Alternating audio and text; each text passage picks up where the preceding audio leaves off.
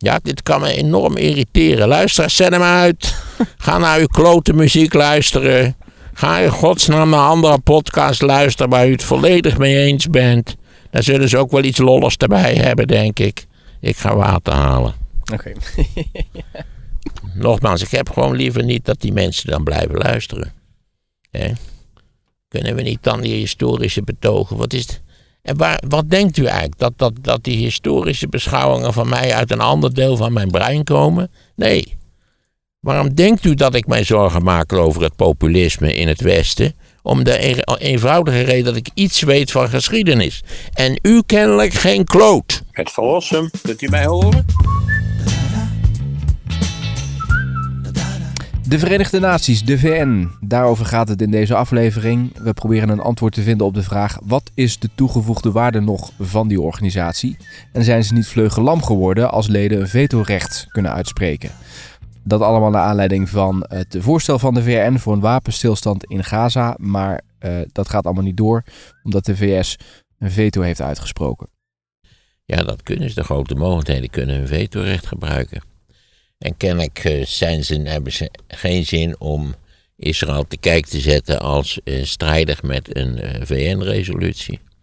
En drukken ze liever achter de schermen eh, op het eh, geweten van de Israëli's van stop er eens mee.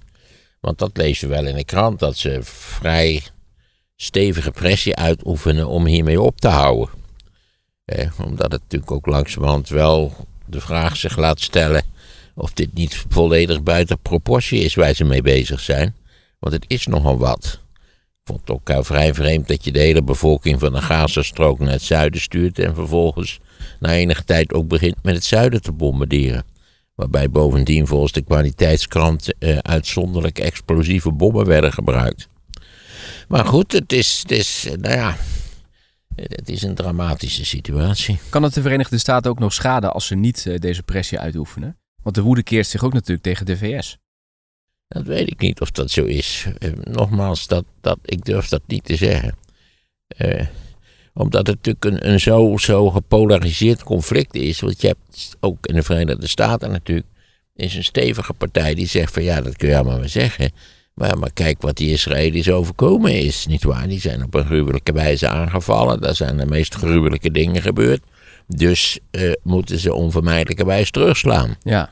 Terwijl de andere partij zal zeggen, nou ja, dat is, dat is, daar zit wel wat in. Maar de wijze waarop teruggeslagen wordt, is langzamerhand wel totaal buiten alle proportie geraakt. Ja. En in de islamitische wereld zie je toch ook uh, de vingerwijzen naar de VS? Ja, al, al heb ik nog helemaal niet de indruk dat die, uh, laten we zeggen, die, uh, die overeenkomst tussen Israël en Saoedi-Arabië, dat dat helemaal van de baan is. Dat is natuurlijk wel even koud gesteld. Maar dat is nog niet van de baan, naar mij niet. Evenmin die, die overeenkomsten met die, met die golfstaten. Ja, maar kan het, want je ziet nu bij de, bij de Eiffeltoren hadden ze weer iemand uh, uh, opgepakt, hè? Omdat die uh, daar. Ja, die mes, die mesman. Ja. En we hebben natuurlijk in Brussel dat incident gehad. Het kan natuurlijk zo zijn dat je meer van dit soort conflicten krijgt. Ja, maar dat zijn toch, wat ik er zo van gezien heb, zijn dat wel een beetje eenlingen in. Ik had niet de indruk dat dat omvangrijke, goed gecoördineerde acties waren. Helemaal niet zelfs. Nee, maar dat zijn natuurlijk wel mensen. Maar het is wel duidelijk dat er natuurlijk een heel breed uh, pro-Palestijns geluid is. Dat is er in Nederland, maar dat is er ook in de Verenigde Staten. En, uh, daar, daar, in de Verenigde Staten heb je allemaal bezorgde stukken dat de studenten aan alle universiteiten pro-Palestijns uh, demonstraties houden en sit-ins en ja. discussieavonden en wat je al niet kunt doen op dit terrein. Ja. Zonder dat je overigens enige invloed kunt uitoefenen op de gang van zaken. Nee. Het is duidelijk natuurlijk dat, dat in eh, Israël is helemaal niet gevoelig voor eh, dit soort van zaken, zou ik zeggen. Uh, de enige die enige invloed op Israël kunnen uitoefenen, daar hebben we het wel eens over gehad, dat zijn de Verenigde Staten. Omdat zij tot op zekere hoogte op een aantal terreinen afhankelijk zijn van de Verenigde Staten. Maar je ziet dat ook de Verenigde Staten, die hadden heus wel liever gezien dat het wat eerder gestopt was. Niet waar, dit, dit, dit gruwelijke, gewelddadige toneelstuk. Maar dat, eh, dat heeft de Israëlische regering is daar niet eh, mee akkoord gegaan. Nee. Nou ja, ze hadden dus nu in de VN hadden ze dus voor kunnen stemmen. Want iedereen, de andere, andere leden waren voor. Alleen zij hebben hun vetorecht ja. gebruikt. De vraag is stuk, en dat, dat is het enige wat eigenlijk interessant is. Wat is precies de, de, de lange termijnvisie op dit probleem? Eh, uiteindelijk zou je, als je niet, daar hebben we het ook eerder over gehad, als je niet elke vijf, zes jaar zo'n soort intifada-achtige of anderszins terroristische actie hebt, wil hebben, dan zul je op termijn dat probleem op moeten lossen. En dat betekent dat je de ontrechting van de Palestijnen, dat je daar niet eeuwig mee door kunt gaan. Nee, Israël zegt we zijn het nu aan het oplossen, want we zijn Hamas aan het vernietigen. Ja, zeker. Maar eh, bij de vernietiging van Hamas, zoveel is wel duidelijk, vallen duizenden en duizenden en duizenden burgerdoden. Ja, dat is een vrij klassieke uh, verhouding.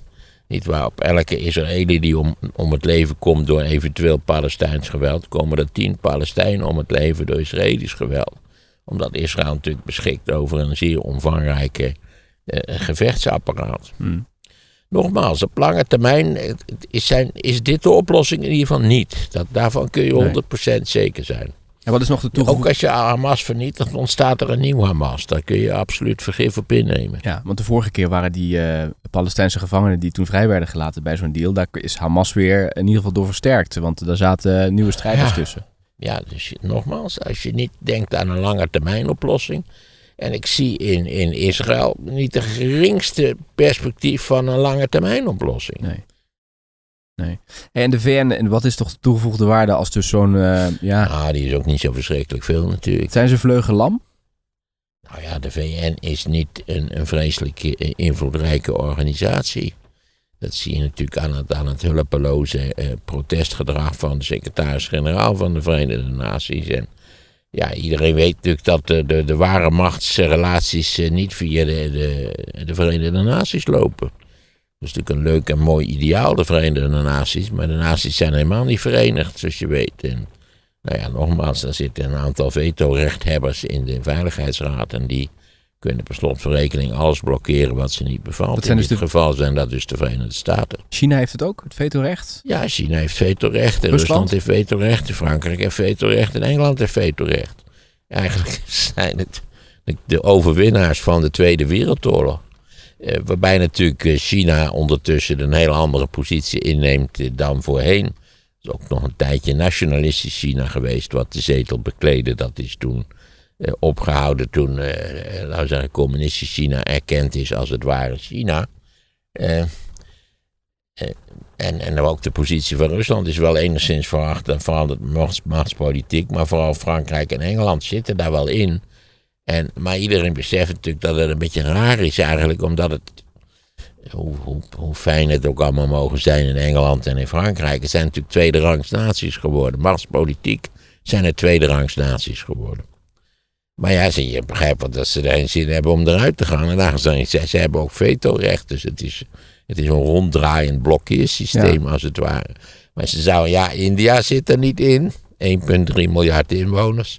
Uh, Brazilië zit er niet in. Ruim 200 miljoen inwoners. Indonesië zit er niet in. Snelgroeiend land met ook ruim over 200 miljoen inwoners.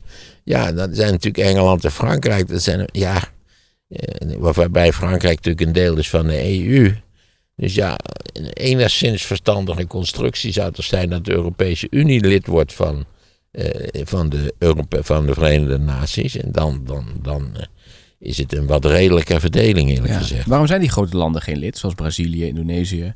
Ja, omdat natuurlijk, dat begrijp je ook wel, dat de, degenen die in de Veiligheidsraad vetorecht hebben, hebben helemaal geen zin om die erbij te nemen.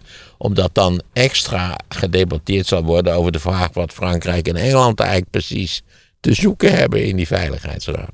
Het zijn de laatste restanten van hun voormalige machtspolitieke basis. Vergeet niet dat tot de Tweede Wereldoorlog Engeland natuurlijk een, een, een gigantisch empire had. Engeland was in allerlei opzichten een van de grootste mogendheden in de wereld.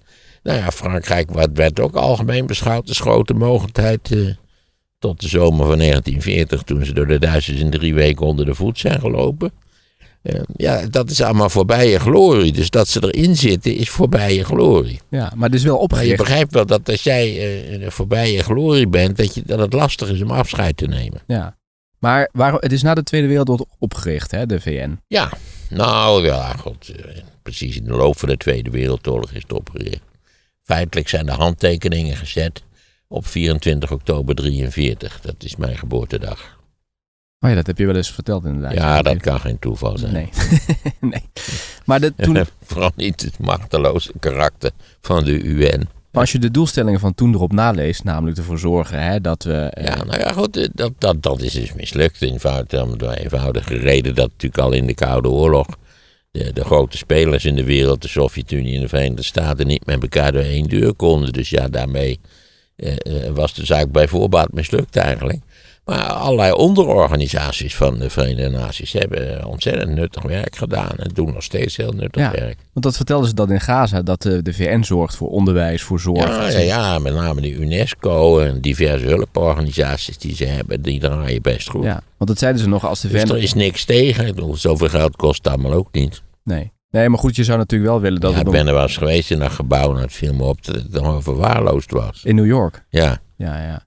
Ze lieten beelden zien van de eerste steen die gelegd werd van de bouw van dat pand. Waar ja de de president erbij ziet was. er nog wel redelijk uit. Maar Ja, het lag vol met tapijttegels die loslagen. Dat is altijd een slecht teken.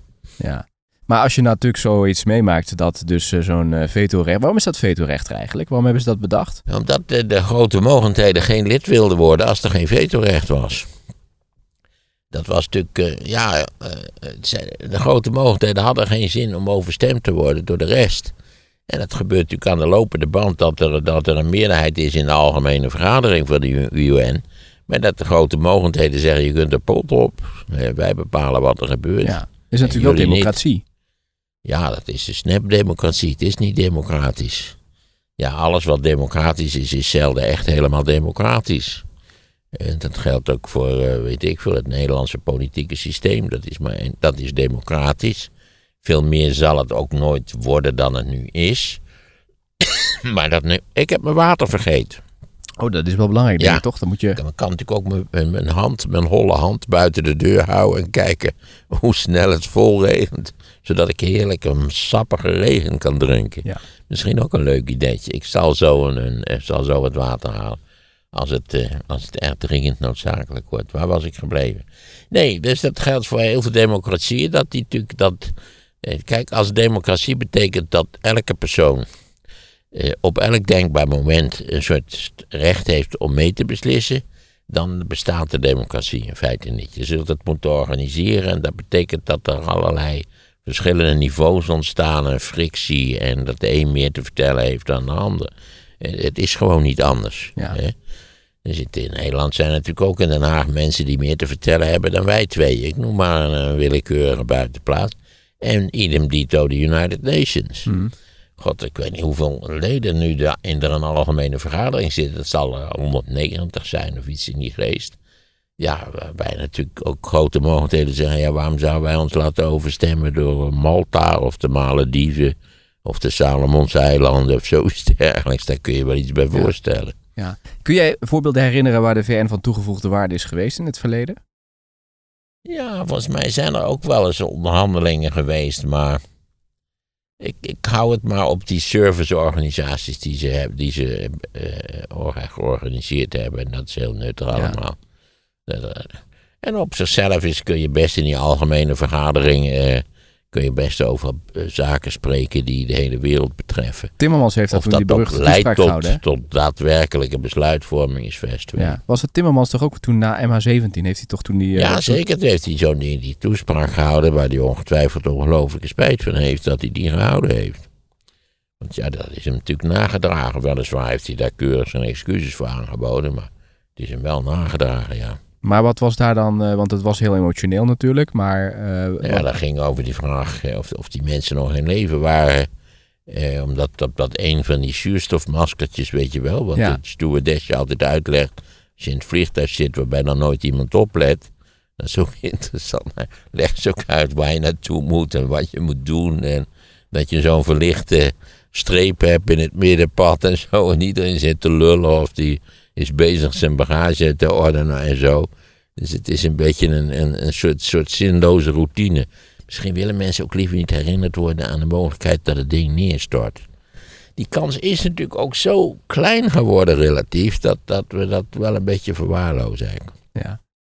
Maar goed, eh, ik me... Ik ben weer afgedwaald. Nee, het ging over. Timmermans. Maar Timmermans Ja. was volgens mij bij Pauw heeft hij toen dat interview gegeven van dat maskertje. Waarvan die zei, wist u dat... eh, Maar volgens mij heeft hij dat ook verder verteld. En, en Nou ja, hij had, dat, hij had dat beter kunnen opnemen met deskundigen die, eh, die zeiden eh, dat ding is getroffen door die, door die boekraket. En, en op dat moment was het eigenlijk op die hoogte ook klaar wel met de ja. inzittenden van het toestel. Ik sluit niet uit dat ze enkele fracties van een seconde nog Ja. geleefd hebben. Maar dat was kan, het inderdaad, ja. Hij dat kan niet veel geweest zijn. hij wekte de indruk dat ze zich bewust waren van ja, de... Van omdat de dat de maskertje, want dan Ja. zou je dat in principe natuurlijk hebben kunnen opzetten Ja. enzovoort. Ja. ja. Ik weet wel nog dat hij op dat moment heel veel indruk maakte met die toespraak. het was een hele. wa- Waarschijnlijk, hij, hij, was, eh, hij geloofde dat zelf natuurlijk ook. Het Ja. is niet zo dat hij tegen zijn medewerkers zei: jongens, het is allemaal slaapgelul, maar we gaan er even een fijne emotionele tour van maken. Nee, hij geloofde in het zelf. Maar als ze daarover beter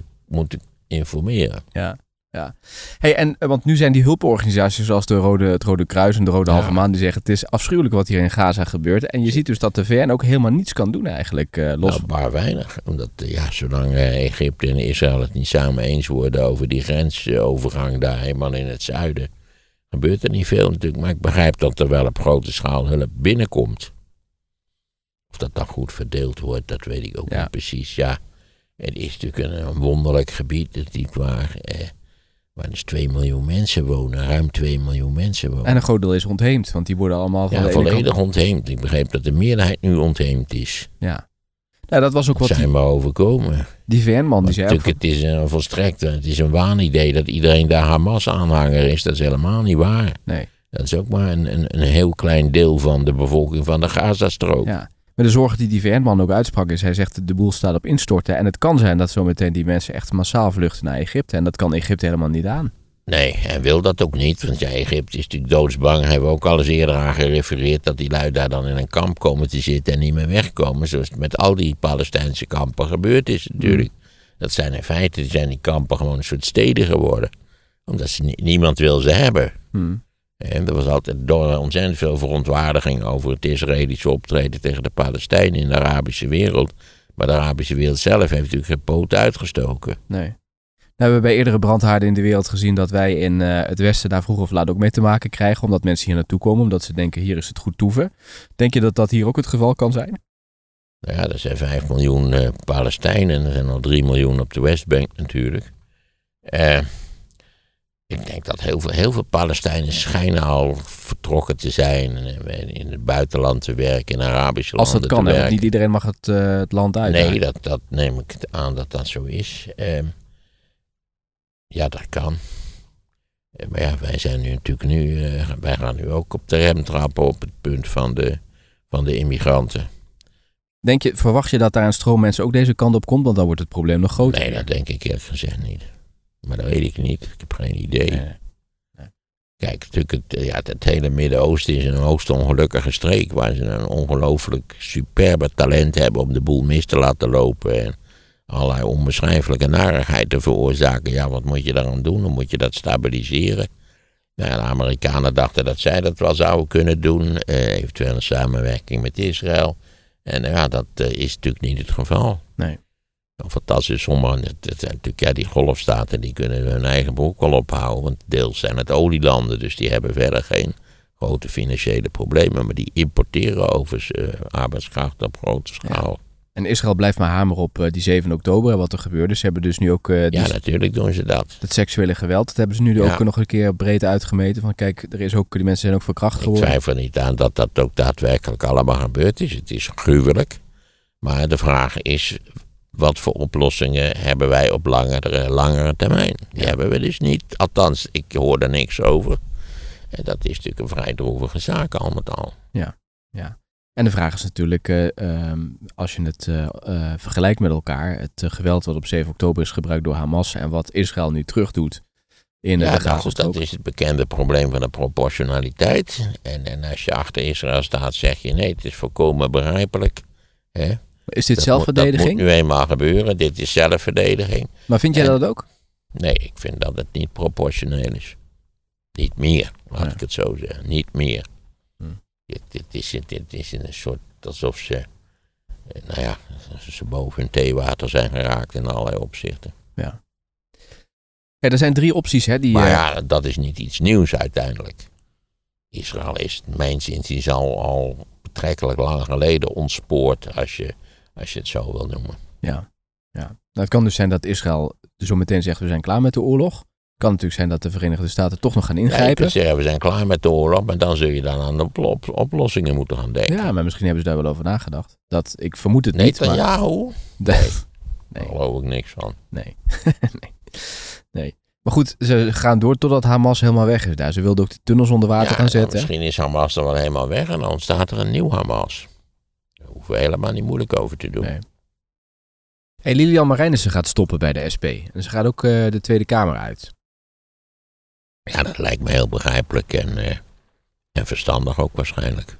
Niet, we hebben niet het resultaat gehad waar we op eh, gehoopt hadden. Op basis hiervan merk ik dat er in de partij behoefte is aan een nieuw gezicht. Nou, ik geloof dat ze drie verkiezingen op rij eh, eh, verlies heeft Ja. geïncasseerd. Dus dan, keer vier zetels. ja, dan, dan is dat ook wel begrijpelijk natuurlijk. Ja. Ze hebben nu vijf. Hetzelfde als het CDA. Ja. Als je dan natuurlijk denkt aan de hoogtijdagen van Jan Marijnissen. 22 zetels, geloof ik. Dat is wel een andere kost. Maar dat was ook weer te wijten deels aan de, laten we zeggen, aan de omstandigheden van toen. Hm. Het paarse, de, de twee paarse kabinetten hebben natuurlijk deels zowel de radicalisering ter rechterzijde als de radicalisering ter linkerzijde bevorderd. Omdat natuurlijk plotseling PvdA en VVD, zei dan met het nietje van D66 ertussen, eh, samen een regering vormden. Dat was natuurlijk voor heel veel mensen heel raar. Want die vonden de, dat, dat, dat een veel te, de VVD'ers vonden het een veel te links kabinet. En daaruit is natuurlijk het ongenoegen van wat door Pim geconcretiseerd is geboren. En ter linkerzijde, niet waar, heeft, heeft de SP daar heel goed gebruik van gemaakt. En ook omdat natuurlijk de SP een, een ja, toch wel charismatische figuur had in de vorm van Jan Marijnissen. Een prima vlijmscherpe debater. En die werd toen opgevolgd door Roemer. Die eh, toen op recordhoogte Ja. stond. Ja, die, en, en, en die verloor de debatjes. Ook nu blijkt toch dat, dat die debatjes weer een heel belangrijke rol hebben gespeeld in het eindschot van een campagne. Terwijl ik nog zo had opgeroepen, hou er godsnaam op met die debatjes. Die zeggen niks, die, die lijken symbolisch van enorm gewicht, maar ze zijn volkomen betekenisloos. Maar hoe en kan dan is dat... er ook nog doorgestoken debatjes hè, met, die, met dat SBS6-debat. Dat is toch wel treurig hoor. Nou ja, het was... Dat wordt wel tegengesproken, hè, dat het echt een doorgestoken kaart was. Dat Ik geloof het graag, ja, maar het was, kwam er erg goed uit. Bedoelt allemaal. omdat die PVV-mevrouw daar in het publiek Ja. zat. Ja, nou goed. En Hij- dat wisten ze. Maar Wilders heeft natuurlijk wel goed gedaan daar. Wilders, Zeker. Wilders was wel in Wilvers vorm. is een geweldige debater. Daar gaat daar maar niks van af. Maar je moet wel oppassen. Een geweldige debater is niet noodzakelijkerwijs inhoudelijk ook een uiterst verdienstelijke politicus. Sterker nog, Wilders is in allerlei opzichten het slachtoffer van zijn eigen neiging om enorm komische en kwetsende one-liners te bedenken. Ja, maar hij is wel die, die stoomlocomotief die op het zijspoortje stond. Hij is wel weer helemaal op het hoofdspoor Ja, terechtgekomen. maar mag ik er wel op wijzen dat daarvoor noodzakelijk was om de wissels te verzetten. En wie hebben de wissels verzet? De VVD, dat heb je verteld. Eerst heeft Brekelmans de wissel opgezocht. Ja. En daar hebben ze toen een lampje bij gezet. En toen is Jesselkus gekomen. En die heeft in het holst van de nacht. Nou, dat is niet helemaal waar natuurlijk. De wissel omgezet. En zo kon het locomotiefje weer op het hoofdspoor komen. Ja. Dat was helemaal niet nodig geweest.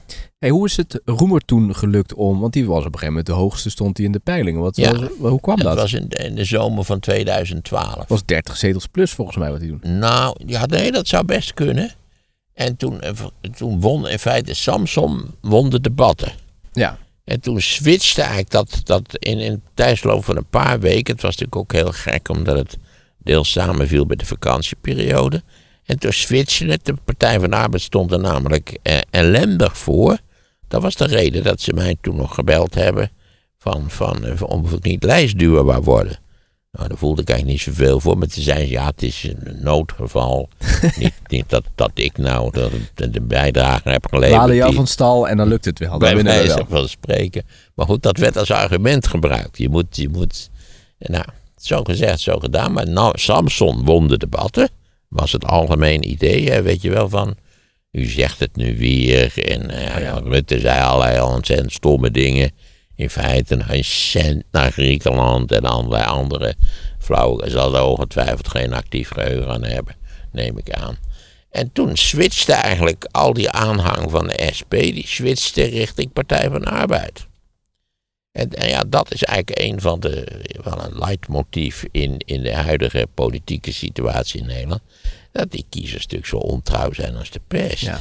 Toen was toch ook nog zo... Samson had op het laatste moment toch Asje naar voren geschoven als, eh, als eventueel premier, als, als die zou winnen. Dat weet ik niet meer. Het heeft toen geen haar gescheeld natuurlijk. Want dit was het kabinet Rutte 2 wat er eigenlijk eruit kwam, hè, met de PvdA die mee is gaan doen. De Ja. vijf jaar gezeten Ja, heeft. dat was ook heel lang tot in de Het is avond geen spannend. kabinet wat een grotere hoeveelheid narigheid heeft aangericht als Rutte 2. Nee, en toen is Roemer daarna gestopt volgens mij. En toen is Marijnus in 2017 begonnen. Ja, Roemer is toen eerst een beetje hulpburgemeester in diverse steden geworden. En tenslotte, volgens mij, commissaris van de Koningin in Limburg, Ja. toch? Hey, en de Marijnissen zes jaar heeft ze dit dus eh, gedaan. Ja, En ze heeft eigenlijk niet het, een, eh, het verschil kunnen maken in die nee, jaren. nou, heeft ze- volgens mij heeft ze wel de best gedaan. Maar ja, kijk, als de wind tegen zit, dan is het lastig zeilen. Eh, dan moet je, moet je of heel scherp aan de wind kunnen zeilen. Dat is niet iedereen toevertrouwd. Eh, of het, of het, gaat, het gaat niet goed. Ja, Rutte heeft gezegd eh, dat we met het vertrek van Marijnissen een bevlogen, betrokken en betrouwbaar politicus verliezen. Ondanks de inhoudelijke verschillen hebben we altijd goed kunnen samenwerken en ik waardeer haar enorm. Ja, ach, waarom zou hij ook als ze vertrekt eh, niet iets positiefs zeggen? Daar kan ik me wel iets bij voorstellen. Ja. Wat Marijnissen, Jan Marijnissen natuurlijk wel had, is dat het echt een fabrieksarbeider was. En dat nam hij natuurlijk ook mee. Daarmee sprak hij natuurlijk ook Ja, dat aan. was Jan wel, maar Jan was, eh, had dat, eh, laten we zeggen, wel vrij, vrij ruim bijgelezen. Dat kun je toch wel, wel zeker stellen. Jan was eh, een gevormd iemand. Ja. Nou ja, en... hij eh, leeft nog. Ja, Ja, ja, ja. ik doe net alsof hij dood is, maar hij leeft nog. Nee, ik ben benieuwd, want eh, als je zo het eh, cv bekijkt van Lilian is ze als zeventiende volgens mij als Ja. gemeenteraadslid Ja. begonnen in Os, maar moest tot haar achttiende wachten voordat ze echt ook eh, daarin mocht komen.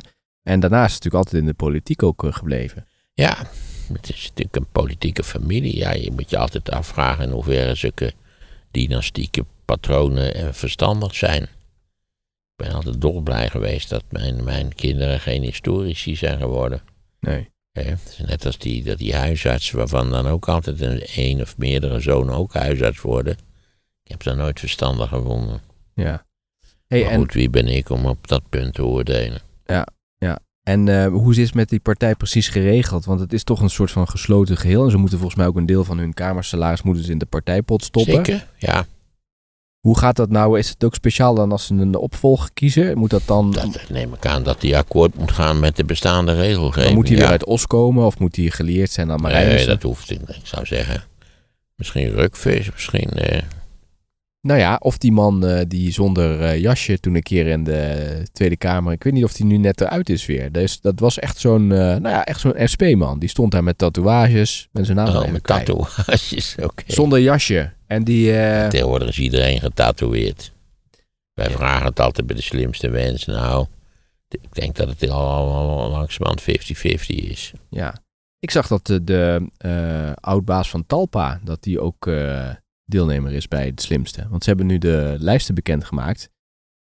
Marco Laurens. Jazeker. Je mag natuurlijk niet vertellen hoe die het doet. Maar ze hebben Nee, wel... daar kan ik allemaal nog helemaal niets over zeggen. Ja. Maar wel leuk dat hij daaraan meedoet, want die is nu even werkloos. Hè? Of althans, die gaat allemaal creatieve dingetjes doen. Maar die, eh, die heeft natuurlijk die, die eh, VI. Ja, nou ja, wat, als, als, je, als je tijdelijk werkloos bent, wat kun je beter doen dan aan de slimste mens deelnemen? Ja. Ah, Ik heb hem hier, dat Kamerlid Quint, SP-Kamerlid Quint. Die werd ook nog een keer aangesproken op zijn kleding door Kamervoorzitter Ariep. Hij stond in een t-shirt aan bij de interruptiemicrofoon met tatoeages op zijn linkerarm duidelijk zich, zichtbaar. Dat dat niet mocht, zeg. Die was die Ariep wel erg streng. Ja, waar is uw jasje? vroeg Ariep. En dat vraag ik me al jaren af, antwoordde Quint, tot hilariteit van de andere Kamerleden. ik heb een hele langzame wasmachine en een slechte stomerij, vertelde hij toen. Quint, fan van hardcore muziek, punkmuziek en vechtsporter in zijn vrije tijd, gaat standaard informeel gekleed. Maar eh, Ariep zag dat liever anders. Oh. Viel me Ja, over Ik weet niet, zouden er officiële kledingvoorschriften voor Kamerleden zijn? Ik denk het niet. Dat, dat moeten ongeschreven regels zijn. Ja, maar dit lijkt me wel een goede opvolger. Want die is, komt volgens mij ook Peter Quint heet hij. Ik weet nou niet of die nou nog in de Kamer zit. Of dat hij nou net met de wisseling... Eh, ja, je had die hele ideologische strijd toch in de SP. Het is tussen die nieuwe Marxist, om het maar even zo te zeggen, en het, uh, en het partijestablishment. Ja, ja. Ik weet niet hoe dat afgelopen is, moet ik eerlijk zeggen. Ja. Hij heeft zich niet opnieuw verkiesbaar gesteld, zie ik hier. Hij was uh, woordvoerder uh, onderwijs, jeugdzorg en cultuur en media bij de SP. Hij zegt er is geen ruzie maar, uh, of een ander drama, maar ik heb het gevoel dat anderen de volgende periode hier beter kunnen zitten, zegt hij. Daar nee. had het wel gezien kennelijk.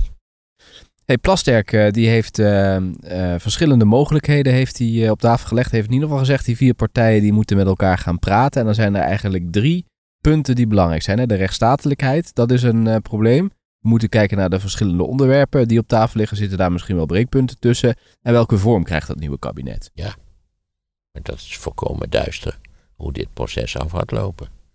Want je kunt zeggen, als je het zo bekijkt en zo formuleert als je nu net deed, dan is er natuurlijk maar één conclusie mogelijk, namelijk dat gaat niet gebeuren. Dat, dat, dat, uh, de VVD wil niet meedoen, die wil gedogen. Nu nog, hè? Kan zijn dat ze nou, zo meteen dat overstag zou gaan. kunnen. Dat lijkt mij niet bijster waarschijnlijk. Eerlijk, dan zullen ze eerst Jesselgus moeten dumpen. Neem ik aan. En de VVD zit natuurlijk ook met de handen in het haar. Maar die hebben ze in ieder geval vanaf het allereerste moment gerealiseerd. Jongen, jongen, wacht nou even. Dit is iets wat ons ook op langere termijn enorme verdere schade zou kunnen toebrengen. Na de schade die we al zelf hebben veroorzaakt in dit geval. Met als gevolg dat die arme omzicht er helemaal alleen voor staat in de vraag hoe verder. En, en gezien niet waar het, het, uh, het programma van, van de PVV, ja, dan zie ik. Het kan zijn dat Geert gewoon de hele boel, wat ik al zei, de hele boel door de wc trekt. Ja, nu hebben we het er weer over. Dus ja, lieve luisteraars, u kunt hem even uitzetten. Zet u even iets lollers op, weet ik veel, een leuk muziekje of zo. Het zijn allemaal mensen die zeggen, ja, als Maarten het over geschiedenis heeft, dan is het toppie. Maar als hij over politiek gaat praten, zet ik hem uit. ja. ja, dat is ontzettend stom. Daaruit blijkt dat het hele domme luisteraars zijn. Want waarom zetten ze hem uit? Omdat ze het er niet mee eens zijn. Maar iedereen die wil nadenken over dingen, die moet ook luisteren naar die zaken waar hij het niet mee eens is. Ben ik het eens met de PVV? Nee. Zou ik graag zien dat de PVV eh, niet veel verder komt dan een gedoogconstructie? Ja. Zal ik het uiteindelijk accepteren als dat niet gaat gebeuren? Ja. Met bezwaar. Maar als u dus niet wil luisteren naar dingen waar u het niet mee eens bent, dan bent u van diezelfde grondige stomzinnigheid als zoveel mensen in Nederland. Maar zet hem maar uit. Ik wacht even. Ik ga namelijk even water halen. Oh ja. Metaforisch rijdt de ambulance achter ons langs. Nee, ik vind dat dan zet ik hem uit. Luister dan. Nee, dan moet ik u toch verzoeken. Luister dan in godsnaam helemaal niet. Dan heb ik veel liever dat u helemaal niet luistert. Er zijn ongetwijfeld podcasts die naar geheel naar uw zin zijn. En waar u kunt horen dat Geert een meesterlijke politicus is. En dat de toekomst van ons land verzekerd is in een, in een kabinet. Niet waar, wat vol van maatregelen is die overal mee in strijd zijn, mij best. Maar dan hoeft u helemaal niet naar mij te luisteren. 0,0. Dat is de deal. Ja. Mensen zeggen dan van ja, het is, uh, Geert is een obsessie geworden voor Maarten. Geert is helemaal geen obsessie geworden. Het populisme is een obsessie. En niet, bovendien, ik heb nog een andere obsessie, namelijk dat, dat wij beleidsmatig al die problemen die we nu hebben zelf veroorzaakt hebben, omdat we een verkeerde beleidsideologie nu al 40 jaar toepassen.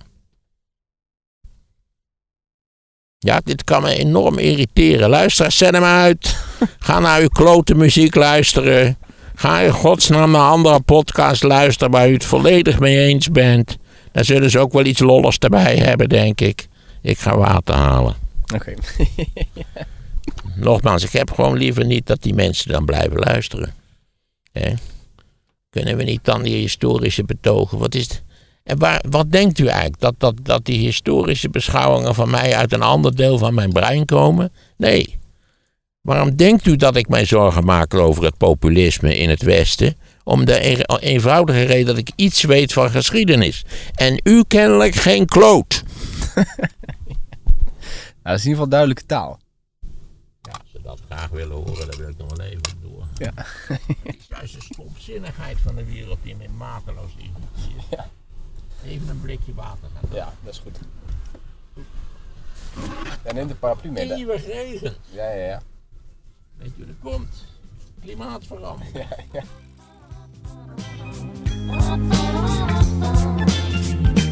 Luister, zet hem uit. Ga naar uw klote muziek luisteren. Ik heb laatst gelezen wat, wat de Apple eraan verdient en wat de Chinezen eraan verdienen. En dan moet je toch ook als Chinees denken, we doen iets fout. Dit moet op korte termijn moet dit veranderd worden. Want dit is een hele onrechtvaardige zaak. En dat is het ook in allerlei opzichten. Maarten over de geschiedenis van China. Wat zich voltrekt in China en India en andere Aziatische landen is niet meer dan een onderdeel van datzelfde enorme proces wat ooit begonnen is tussen 1690 en 1750. Download het luisterboek via de link in de show notes. En Wouter Kolk, de baas van Albert Heijn, vertelt hoe de supermarkt van de toekomst eruit ziet. Dat hoor je in de podcast Sea Level via de link in de show notes.